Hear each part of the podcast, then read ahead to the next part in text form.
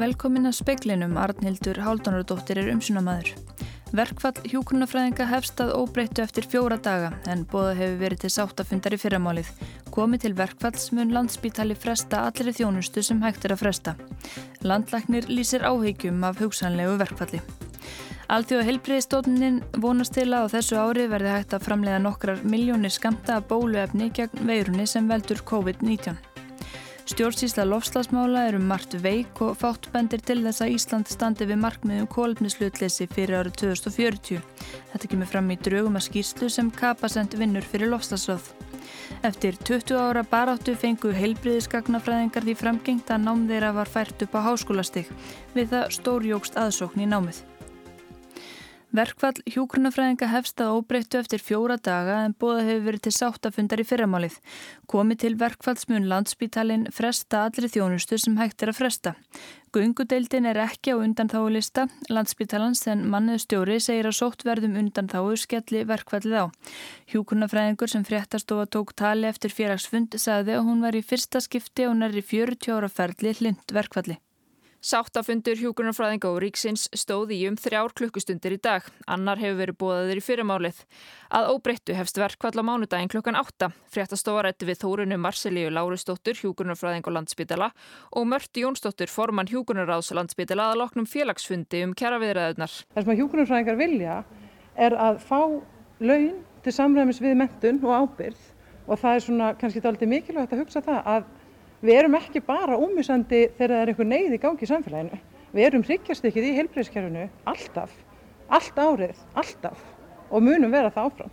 Farsóttar nefnd og viðbræðs stjórn landsbytala hafa þungar áhyggjur af bóðiðu verkfalli hjúgrunafræðinga sem geti haft ófyrirsjáanlegar afleiðingar fyrir starfsemi spítalands. Ásta Bjarnandóttir Frankvæntastjóri Mannhausvið segir að landsbyttalei muni halda úti nöðsöleri þjónustu þrátt fyrir búaða verkvall. Um helmingur hjúkunarfræðinga landsbyttala mun starfa áfram á undanþáum. Því til viðbótar þá munum við sendin viðbótar beðinir um undanþáur frá verkvalli til þess að geta halda úti nöðsöleri helbústjónustu til dæmis í tengslum við COVID-veikindi. Er til dæmis COVID-dildin, er hún á undanþáu sem svona neyðarþjónusta? Ekki ennþá en það var undanþálistin settur saman á síðasta husti en við munum sjálfsögðu óska eftir undanþáðu þar. Ásta segir að það liggi ekki fyrir hvort loka þurfi deildum en bygglistar muni lengjast. Við höfum í gegnum COVID-faraldurinn þá neytust við til að fresta mjög miklu af skipulögðum aðgerðum og gangudeildarstarfsemi einnig og svo þjónusta mun aftur skerðast kannski meir en önnur í, í verkkalli. Við munum í rauninni fresta öllu sem hægt er að fresta saði Ásta Bjarnadóttir, Frankóttastöru mannuðs við Slandsbytala, Hólmfríður Dani Fríðjánsdóttir talaði við hana, Þórunni Marcelíu Lárusdóttur og Mörtu Jónsdóttur. Vandamál hafa skapast við að koma upplýsingum um niðurstöður úr kórnuveiru, skimin og landamærastöðum til ferðamanna. Sóttvarnalæknir segir að li, li, lítið sé um smit meðal ferðamanna sem komið á að hinga til lands í vikunni.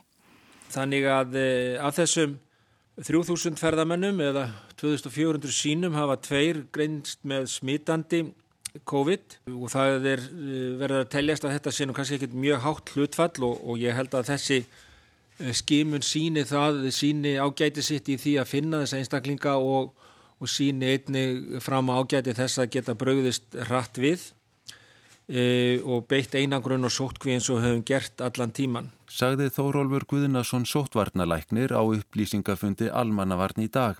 Ekkert innlend smitt hefur verið rakið til þeirra sem komi hinga til lands eftir að skimun hófst. Lögreglukonna smitaðist eftir samskipti við gruna þjófa sem voru handteknir áður en fyrirkomulagi á landamærunum var breytt. Þórólfur og Alma Möller landlæknir sögðu að vandamála hefði orðið vart í að koma upplýsingum um niðurstöð skimunar til fólks með smáskilabóðum. Áriðanlegra væri að nota smittrakningarappið sem hefði nýlega verið uppfærsaði Alma. Hún lísti áhyggjum af yfirvofandi verkfalli hjúgrunafræðinga. Þannig að það er auðvitað gríðarlega mikilvægt að, að aðilar keppist nú við og, og nái saman fyrir mánudaginn en ella þá er ljóst að uh, við munum þurfa að reyða okkur á undanþáur og við vonum auðvitað að það verði vel tekið í þær uh, varðandi þetta gríðarlega mikilvæga verkefni. Alma sagði að hjúkröna fræðingar væru mikilvægri í helbreyðskerfinu og erfitt að reyka þá starfsemi alfarið á undanþáum. Brynjólfur Þór Guðmundsson tók saman. Alþjóða heilbreyðistofnunin í Genf vonast til þess að hægt verða að framleiða nokkrar miljónir skamta af bóluefni gegn koronavirunni sem veldur COVID-19. Þeir sem eru sérlega berskjaldaðir gegn sjúkdómnum eigi að fá lifið á undan öðrum. Þetta kom fram á fundi stofnunarinnar með frettamannum í dag. Somja Svaminatan, yfirmaður vísindasviðs, sagði þar að reyndar væri ekkert bóluefni komið fram ennþá við veirunni en unnið væri að þróun þess á meira en 200 stöðum við svegurum heiminn. Í tíu tilfellum væri byrjað að prófa lifið á fólki. Því væri hún vongóðum að að minnstakosti einn eða jafnvel tvær prófanir skiluðu svo jákvæðum árangri að hægt værið að byrja að framleiða það á þessu ári. Ef allt gengið og skumir er jafnvel búið að framleiða 2 miljardar bóluefni skamta af tveimur eða þremur gerðum fyrir árslokk 2021. Svaminatan sagði að þrýr hópar þyrtu að vera í forgangi þegar bóluefnið verður tilbúið þeir sem eru í nánustum tengslum við sjúka og smittaða svo sem heilbriðistarsfólk og lauruglumenn. Þá eldri borgarar með undirlíkjandi sjúkdóma svo sem sikursíki og loks fólk sem er hættara en öðrum við að smittast til dæmis íbúar í fátakra hverjum stórborga og þeir sem búa á elli og hjókrunarheimilum. Ásgeir Tómasson saði frá. Detti fossað austanverðu og rauðu fossar sem eru innan friðlandsins að fjallabaki eru í verulegri hættu að tapa verndargildi sínu sem náttúrusvæði. Þetta kemur fram í árskýrslu um hverfistofnunar. Stofnunin gefur árlegot skýrslu um ástand friðlýstra svæða á Íslandi og Detti foss og rauðu fossar töldust einni í verulegri hættu fyrra. Rauði listin svonandi yfir svæði hættu er gefin út á tveggjára fresti og byggir á skýslunni. Hann hefur það markmið að forgangsraða kröftum og fjármunum til verndunar. Fundi vísindaráðs almannavarna vegna stöðunar í grímsvötnum laug rétt fyrir fjögur. Magnús Tumi Guðmundsson, jarðaðilsvæðingur, segir í samtali um fréttastofu að viðbúðu sé að hlaup úr grímsvötnum hefjast á næstu vikum eða mánuðum. Eldstöðin gengur nú í gegnum virkni tímabil þar sem búast má við að gjósi á 5-10 ára fresti. Kvikusöpnun hefur átt sér stað frá því síðast gauðs í Grímsvötnum árið 2011 og margt bendir til þess að eldstöðin sé tilbúin að gjósa á ný. Jökul hlaup myndi létta á þrýstingjafeldstöðinni og auka um leiði líkurnar á gósi. Árið 1996 kom stórt hlaup úr Grímsvötnum eftir það hafa komið hlaup á nánast hverju ári og stundum tvö. Tómas Jóhannesson, jöklafræðingur á Viðastof Íslands, býst þó ekki við stóru hlaupi í ár. Við eigum ekki vona á mjög stóru hlaupi. Hlaupin hafa verið tilþörða lítill síðan stóru hlaupi 96 Nefna þá að drægi til tíðinda í, í sambætti við eldgós sem er ekki hægt að segja tilum en, en, en gera frekar ráð fyrir því að, að komi hlaup sem síðan leiði til eldgós og, og, og ekki þá frekar að hlaupi nýja eldgósið verði sérstaklega stort af þessu sinni. Jökullin hefur hörfað og þess vegna hafa hlaupin breyst. Þau renn ekki lengur í gamla farveg skeiðrár heldur í gíukvísl. Og það eru er miklu minni vandræði að þeim hlaupum Er þá ekki mikil hætta á, á ferðum? Ja, almanvarnir og, og við fylgjumst með þessu og, og, og menn kannar það svona bara eftir því sem þessu vindur fram.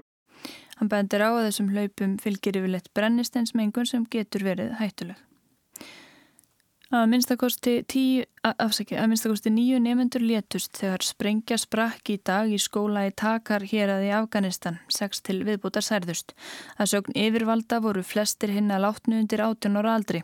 Ekki likur fyrir hver kom sprengjunni fyrir í skólanum. Tvær sprengjaárusir hafi verið gerðar á Moskur í Afganistan í þessum mánuði.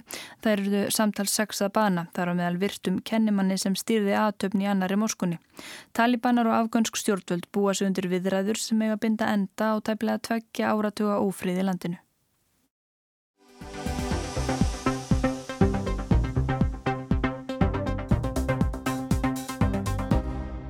Það háir öllum aðgerðum stjórnvalda, fyrirtækja og heimila í loftslasmálum að ekki liggur fyrir skýr sín um hvernig Ísland tekst standa við alþjóðlegar skuldbendingar sínar. Þetta kemur fram í drögum að skýrslu sem Kapasent vinnur fyrir loftslags ráð stjórnvalda. Niðurstæðin er svo að stjórnsíslan séu margt veik og óskilvirk og eins og er bendi fátt til þess að Íslandi eftir að standa við markmið Parísasamkominlagsins árið 2030 og markmiðum kólefnis hlutleysi fyrir árið 2040. Loftslagsráð stjórnvalda á að veita aðhald og ráðgjöf og skýrslukaupin eru liður í því. Markmiðið er að skilgreina hvernig stjórnsísla loftslagsmála þarf að vera til að uppfylla þarfir og væntingar til hennar. Rannsókn Kapasent hófst í árslók 2019. Höfundar tóku á þriðja tug við tala við ráðuneytistjóra, aðstofamann ríkistjórnarinnar í loftslagsmálum, forstuðumenn stopnana, fulltrúa atvinnuvegasamtaka, bæjarstjóra og fulltrúa fyrirtækja og samtaka á sviði umhverfismála. Flestir viðmælendur sögðu að stjórnsísla í loslasmálum væri veik og verkaskipting óskýr og all nokkrir gengur meira segja svo langt að staðhæfa að ekki væri hægt að tala um neina raunverulega stjórnsíslu í loslasmálum. Gaggríni kapasend er margþætt. Það skortir í stuttumáli samræmda heildar sín, margtir óljóst og losaralegt. Eitt liður í gaggríninni er að stefna í loslasmálum séu óljós og utanumhaldi líka. Lofslagsmálinn eru auðvitað svolítið sérstök enda allt um leikjandi og stjórnsýsla þeirra er í senn allstaðar og hverki. En það er mat kapasent að það þurfi að koma á skýrri ábyrðar og verkaskiptingu millir ráðuneyta og ráð herra. Það er líka mat kapasent að það þurfi að flétta lofslagsmálinn betur inn í allar áallanir stjórnvalda strax á frum stígi. Í draugunum kemur fram að það þurfi að móta skýra framtíðarsín og tengja markmiði loslasmálum við breyta atvinnuhætti, öratækni þróun og samfélagsbreytingar. Eitt af því sem sérfræðingar kapasend leggja til er að þingið fái meiri aðkoma þessari vinnu en sumstaðar á Norðurlöndunum hafi þing mótað þverrpolítiska sín á hvernig skuli ná kólefnis hlutleysi. Síðustu ár hefur mikið verið rætt um þetta kólefnis hlutleysi. Íslensk stjórnvöld ætla að ná því fyrir ára 2040. Í draugunum kemur fram að ekki ríki sameinlegur skilningur á því innan stjórnkerfisins hvað fælst í því að ná kólefnis hlutleysi hér. Það er hvaða losun telst vera innan okkar landamæra eða hvaða losun teljist vera af mannavöldum. Þá liggja ekki fyrir hvernig bessi að ná markmiðinu með hagfældastum hætti fyrir Íslands samfélag. Í ljósið þróuna síðustu ára, þar sem losun hefur ímist aukist eða staðir stað, bendi fátt til þess að Ísland eigi eftir að standa við markmið Parísasamkúmulagsins fyrir árið 2030 og hvað þá um kólefnis hlutleysi fyrir árið 2040, ef eitthvað er færumst við fjær því, segir í draugunum. Sérfræðingar kapasend leggja ímislegt til, svo sem að stjórnvöld samhæfi vinnu stopnana, tryggi betur aðkomu sveitarfélaga, auki gagsægi um aðgerðir og stefnumótun og opni umræðuna um hættu, tækifær og breytingar sem samfélagi stendur framifyrir. Framkymur að þurfa skýra hlutverk loftslagsráðus og þá luð áherslu á að ebla rannsóknir og tryggja að vísindar áðgjöf sé nótu til grundvallar stefnumörkun til framtíðar. Vísindasamfélagið hafi ekki verið virkað sem skildi. Í draugunum er farið við það sem best er gert í nágrannaríkjum okkar og kynntar fjórar sviðsmyndir um hvernig hægt væri að treysta umgjörð stjórnsýslu loslasmála. Svo fyrsta gerir að fyrir tiltölulega litlum breytingum að loslasmál séu skilgrend með áþekkum hætti og í dag en fóristu hlutverk umhverfis og öllindaraðanetisins verði eld og það styrt til að ráði við málaflokkin og þá verði skerft á sameinleiri ábyrð ráðuneta. Í annari sviðismyndinni er hort til þess að stjórnvöld skilgrein í lofslagsmál með víðum hætti. Lofslagsstefna snúist ekki bara um að standa við skuldbindingar, heldur það hvernig Íslands atvinnulíf, hagstjórn og samfélag higgist ná árangri. Til að ná þessu fram er skert á verkaskiptingu ráðuneyta og þeim falin formlega ábyrð bæði á ákveðnum lofslags aðgerðum en einni á hluta lofslags stefnunar. Þriðja sviðsmyndin felur í sér samhæfða nálgun að stjórnkerfið verði styrt eins og gert ráð fyrir í fyrir sviðsmyndum en einni verði settur á lakirnar formlegur vettvangur ráðuneytustofnun sem myndi hafa það hlutverka samræma stefnu og aðgerðir. Og í fjóruðu myndinni er gert ráð fyrir að nýra leiða verði leita til hana árangri í stað þess að byggja á þeim ramma sem núverandi lögjöf og hefðir móta. Lagt er til að aðgerðir verði samstiltar í þverlægri einingu. Nauðsynlegt sé að brjótast úr hólfum núverandi stjórnskipulags og móta umgjörðum sameinlega ábyrð ríkustjórnarinnar á þróuninni. Þrátt fyrir að loftslagsmálegi sangað stefnu ríkistjórnarinnar að vera eitt helsta forgangsverkefni samfélagsins næstu árin virðist það enn háþeim að hafa um langt skeið verið skuffa í umhverfisraðanetinu. Svo eru stjórnvölda sögn skýsluhöfunda ekkit sérstaklega vönd því að vinna verkefnum þvert á ráðuneytu og stopnanir, meiri hefðsi fyrir því að raða málaflokkum í vel skilgreynd hólf. Í fyrra var lögum um loftslagsmál breytt. Í ingangi skýsludragana segir að það verið mikilvægt skref í þá átt að styrkja, samræma og samhæfa stjórnsýslu loftslagsmála. Nýlega var svo uppstokkun í umhverfisraðunetinu. Þann 5. júni byrtist á vef stjórnaráðsins frétt um nýtt skipuritt. Nokkru síðar var auglist eftir skrifstofustjóra og nýja skrifstofu lofslagsmála. Markmið breytingana er að gera ráðunitinu betur kleift að takast á við hlutverksitt. Það er líklega engin tilviljun að ráðust var í þessa uppstokkun nú. Af skýsludrugum kapasend má ráða að töluvert vanti upp á að vel sé haldið utanum þennan flókna málaflokk. Nú er að sjá hvort fleiri breytingar verði gerðar á stjórnsýslu loslasmála, hvort þau færast jafnvel að einhverju leiti úr umhverfisraðunetinu. Umhverfisraðara hyggst ekki gefa kost á viðtali fyrir hann hefur fengið loka útgáfu skýslunar í hendur en sangkvæmt heimildum speilsins verður það í næstu viku.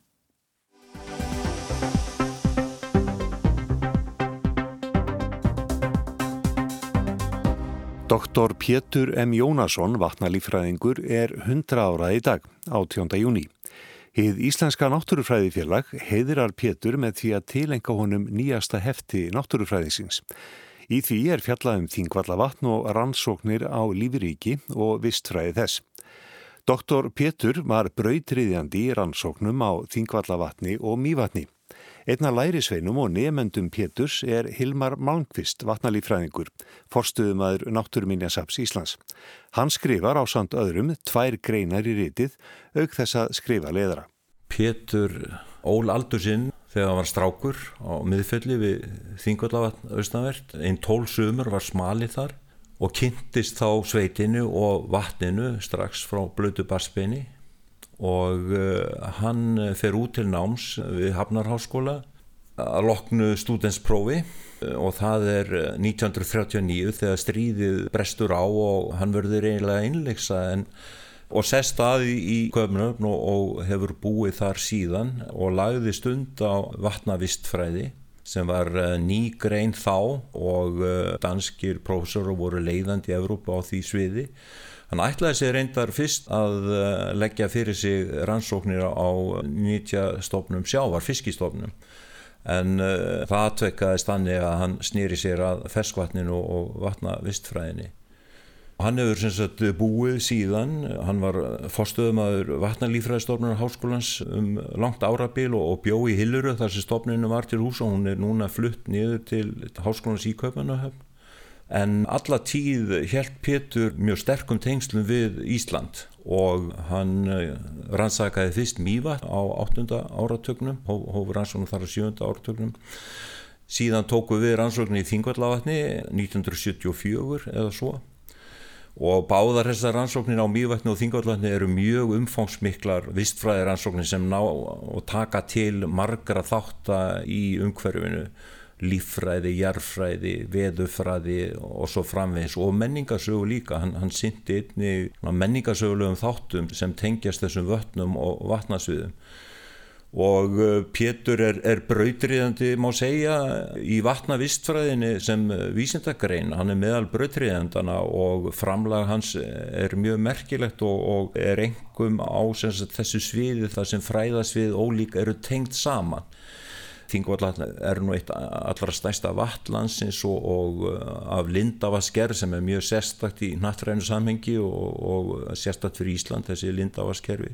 Nú svo er það þessi lífræðilegu fjölbreytileiki sem er mjög sérstakur og, og við þekkjum einna helst með þessum fjórum ólíku bleikjugerðum í vatnun sem hafa þróast innan vassins og er afskaplega áhugaverður efni viður fyrir vísindumenn að, að, að eiga við tegundamyndin sem er bara að gerast eila fyrir framann augun á þeir. Nú svo er, er vatnið, það er náttúrulega svo merkilt fyrir margra hluta sakir að, að auk þessara þróunar á þessum bleikjugjörðum að, að þá í kringum 2000 þá, þá fundust í fyrsta skipti hér á landi svo kallega grunnvarsmarflær sem eru krabbadýr og eru bundin bara við grunnvarskeimin sjá aldrei dagsljós og eru blind og litlaus. En uh, þetta eru tegundir sem bara eru til á Íslandi og þróuðust hér. Og þetta hafi verið kallaði lifandi stengjaringar því að þetta eru afkomundir lífera sem þraukuð af sko fleiri ísaldir í grunnvarskeiminu að því hann fröys ekki og uh, því ber að þakka heita möllinu sem er undir landinu og kemur í veg fyrir að, að allt frjósi eins og er fyrir ofan okkur á, á ísellunni en þessar lífur þraukuðu sinnst af og það er þetta að rekja það er með erðafræðilegum aðferðum alveg ja, 50-60 miljón ár aftur í tíman þegar frum frum Ísland var til. Og þetta hefur allt saman komið fram í rannsóknum hans og ykkar læri sveina hans? Já, rannsóknar hófust 1974 og, og beindust þá svona að grunn atriðum vistkerfisins að gróðurinnum, að hryggleysingjónum, smádýrónum og, og svo ekki síst fiskinum. Og við keflinu tóku þá nefnundur hans og, og samstagsæðilar og, og það eru umfómsmikla rannsóknir ennþá í dag í gangi og það er snúast aðalega um þróunar og þroskunafræði fiskana, sérstaklega bleikunar en, en það kemur líka upp úr durnum að það eru mismunandi afbríða hortsílum í vatninu. Vatni er svo stórt, það býður upp á svo fjölbreytt búsvæði sem leiðir til þessara afbríða og tegunda myndunar og vatni er náttúrulega líka einstatt eins og fleiri lindavaskeru fyrir tærleika sinn og hreinleika það er blátt og menn sjá langt nýður á botni en þetta eru svona gæði sem við verðum að standa vörðum því að það eru blíkur á lofti meðal annars út af nattrætnin hlínun nýjustu rannsóknir sem koma fram í þessu nýjutkomna þemahefti um þingavallvatni í, í, í náttúrufræðingnum benda einni til þess að menn hafa verið að fykta aðeins með sleppingar á fiski, eh, urriðastofn Öksarárstofn urriðans, það voru sumaræðin segði og árskumul um 120.000 tal sem sleft á, á nokkur ára bili upp úr 2000 og nýjustu vöktunaransóknin í dag sína sko að, að tegunda samsetningin eða hlutfallurri eða á móti bleikjugerunum er orðið mjög ruggla og eitthvað sem við höfum ekki séð áður sem minnir okkur bara á það að, að það þarf að fara varlega í, í allar svona aðgerði með, með sleppingar og, og slíkt því að þessi þróunafræðilegur atbyrjum er bleikjugerðan og tilvist þeirra er hluti af lífræðilegum fjölbyrjutillega ekki bara Íslands heldur nattarins í heild Hvernig sérðu framhaldar ansókna á þingvallavatni fyrir þér? Í fyrsta legi þá er mjög mikilvægt að halda þessari vöktun á vaskeiðunum og líðuríkinu áfram sem hóst 2007 með reglubundum sínatökum á ákveðinu þáttum nokkurum sinnum á ári. Það er til þess að geta þá bröðist við þegar eru vísbendir um að eitthvað sé að gerast í, í vistkerfun sem, sem liggur nú þegar fyrir eins og með línunina í vatninu. Hún er staðfest og, og áhrifin virðast vera þegar komin fram síðan eru semst í gangi og hafa verið eftir að þeim eiginlegu rannsóknum sem Pétur fór fyrir laug og það er 1992 þá kemur út mikil bóku um rannsóknar en eh, rannsóknar sem fylgdu í kjölfari hafa mikið til snúist eh, semst um þróunafræði og þroskunafræði bleikugerðana og uh, það eru mjög merkilega niðurstöður í alþjóðlu samhengi og stór hópur sem kemur að því ennþá í dag sko og mikilvægt að þær haldi áfram en einni þetta að beina sjónum á ákveðin þáttum sem vöktunum gefur til kynna að sé mikilvægt að huga. Og þar er meðal annars aukin eh, næringarefna ákoma í vatni sem tengist eh, hlínuninni og svo er það bara hlínunin sjálf, vatni er að hitna. Það hljómar kannski ekki mikið sko að vatni hafi á 40-50 ára tímabili hitnað um, um eh, tæpa 2 gráður en það er bara meðaltali yfir allt árið og svo er ímislegt að gera náttúrulega í heitustu mánuðunum og annað í kaldæri mánuðunum þannig að það þarf að huga vel að, að, þessum matriðum og, og almennt náttúrulega bara að ganga þannig um á vatnasviðinu að vatninu stegi ekki hægt af út af aukinu umferð og svo framvegis fráveitum málum vegna bústaða og þjónustu miðstöða. Þetta var Hilmar Malmqvist, Kristján Sigurjónsson talaði við hann.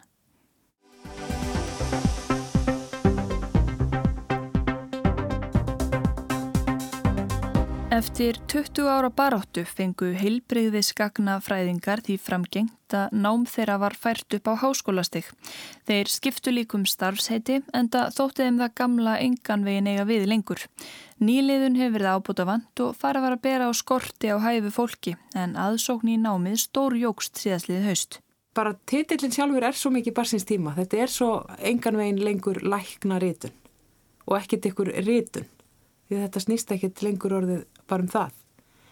Þannig að það var ekkit endilega að þetta væri eitthvað niðrandi starfseiti eða slikt, heldur bara engan veginn, passaði engan veginn við hvernig starfið hafi þróast og hvernig það er orðið í dag. Þetta segir Hólmfríður Einarstóttir, formaður félags heilbriðisgagnafræðinga sem þar til í júli í fyrra hétt félag læknareitara.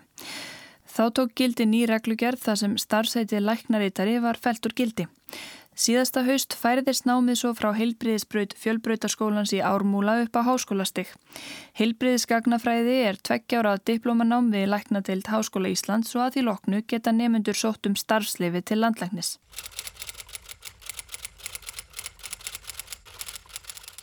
Starfsheitið læknaritari var til árið 1970. Fyrir þann tíma var utanum haldum sjúkraskrár lítið. Á vef félags heilbreyðisgagnafræðinga kemur fram að störfin hafi breyst mikið á síðustu árum og þörf á nýju námi aukist. Heilbreyðisgagnafræðingar hafa sérþekkingu á meðhöndlun heilbreyðisgagna, gæðastöðlum og laga um hverju heilbreyðistjónustu. Þeir sinna skipulagningu, skráningu, kóðun og úrvinnslu og taka þátt í að móta stefnu um þróun rafrætnar sjúkraskrár. Áður tóku læknar skýrslur upp á segulband og læknarítarar höfðu hlutverk að skrifa skýrslunar upp. Þetta er orðið meira bara umsjón með þessari rafrænu sjúkraskrá. Og þá í rauninni ekki bara fyrir lækna heldur bara alls konar skrár og skráningaform og, og svo náttúrulega færist sjúkraskráin úr því að vera á pappisformi og yfir í rafræntform og uh, alveg eins og við þurftum að passa upp á pappira að hver einasti pappir væri inn í pappiskránin í skjala vörslu að þá snýst þetta orðið núna um þess, þetta rafræna utanum hald að allt sé á réttum stað í kerfinu. Er starfið orðið flóknara eða erfiðara heldur en það var þegar það hétt flóknara og fjölbreyttara, þetta ég segja. Og líka náttúrulega breyting sem verður að ungleiknar í dag skrifa bara sjálfur, eru miklu fljótari að skrifa sjálfur heldur en að taka upp. Það er ekki nema þá kannski að þessi í flóknum aðgerralýsingum eða einhverju slíku. Aðsóknin í námið var orðin mjög dræm og verulegu skortur á fólki með fagmentun. Holmfríður útskrifaðist 1998 og voru tíu í útskriftarhópnum þá. Síðan hefur fækkað í hópnum útskriftarnemannir þrýr til fjórir. Og þetta eru held ég geti fullirt yfirleitt alltaf manneskjur sem eru í starfi og eru þá bara búin að vera að ná sér í réttindin samhliða starfi hafa mögulega verið ráðnar inn að því að það bara vantaði En það má ráða ófalarða í þetta starf? Má í rauninni ekki, þetta er lögvendastars heiti en það náttúrulega gerist bara. En það sem að kannski breytist núna með þessari, sko, baráttan við að koma svo háskólanám er náttúrulega orðin meirinn 20 ára gömul. Ja. það í rauninni... Hvernig hefur hún verið? Hún hefur verið svolítið ströng því að, sko, það gefur auga leið að það sem að fórsendurnar fyrir að fara í námið er stúdinspróf og ný útskrifaði stúdent hann leita sér ekki að námi aftur í fjölbytarskóla. Það er eitthvað neginn bara... Svolítið uppeyja. Já, þú veist það var búið að vera skólanemdin sem er búin að vera starfandi, búið að vera sama nemdin alveg í allir þessi ár. Hún var í rauninni tvíveis skiluru komin með tætnar alveg inn í háskólan því það var allstað skilningur fyrir því að þetta þyrti en þá, ef það var ekki fjármagnið þá var það hraunið 2008 sem að gerði það verkum að, að, að hérna, ekki varð úr þessu en, en svo tókst þetta loksins og, og, og var það veruleika núna í, í fyrra og þá voru sko 122 umsóknir einhverjur uppfyllt ekki skilirðin eh, sem þurfti og ég held ég farið rétt með að það hafi verið um 60 sko starfandi löggildir leknarítarar sem sótu um. Þannig að stórum hluta er þetta bara fólk sem er að koma nýtt inn og, og vil læra þetta? Já, helmingurinn, helmingurinn cirka, já. já. Stökkur fjórum í yfir hundrað hlítur að telja skóður árangur. Hólmfríður segir að félagið hafi ekki ráðist inn en að svakalega auðlýsingaherferð en bás heilbreyðiskagna fræðinar hafi verið vinsætla háskóladeginu. Þetta eru allt konur, Holmfríður veit ekki til þess að Karlmaður hafi starfað við fæið. Í haust higgjast 62 hefja námi fæinu sangut Háskóla Íslands. Það stefnir því ekki lengur í óefni. Ég hef alltaf hugsað þetta svolítið skringilega vegna þess að sko, þú þart háskólamæntan einstakling til þess að sjá um bókasöfn landsmanna en á skulir þá ekki þurfa háskólamæntan einstakling til þess að sjá um sko, sjúgraskrá landsmála því þetta er náttúrulega viðkvæmustu upplýsingarnar sem að er að finna þar. En já, ég bara ég veit ekki hvernig þetta hefði farið. Það, en þá trúlega hefði bara þetta hefði færst á aðrar hendur eða ófaglærða eða En þið allavega kannski lítið svo á því að við, já, allavega eins og útlítið er núna náða að bjarga starfinu? Já, klárlega og venda það og koma því á herra plan þar sem það er á heima Saði Holmfríður Einarstóttir. Veðurhorfur, minkandi suð-austanátt og lægir í nótt, bjart með köplum og áfram hlýtt. Vaksandi suð-austanátt með rigningu sunnlanlands sent annað kvöld. Það voru ekki fleira í speklinum í kvöld. Tæknumæður í útsendingu var Ragnar Gunnarsson verið sæl.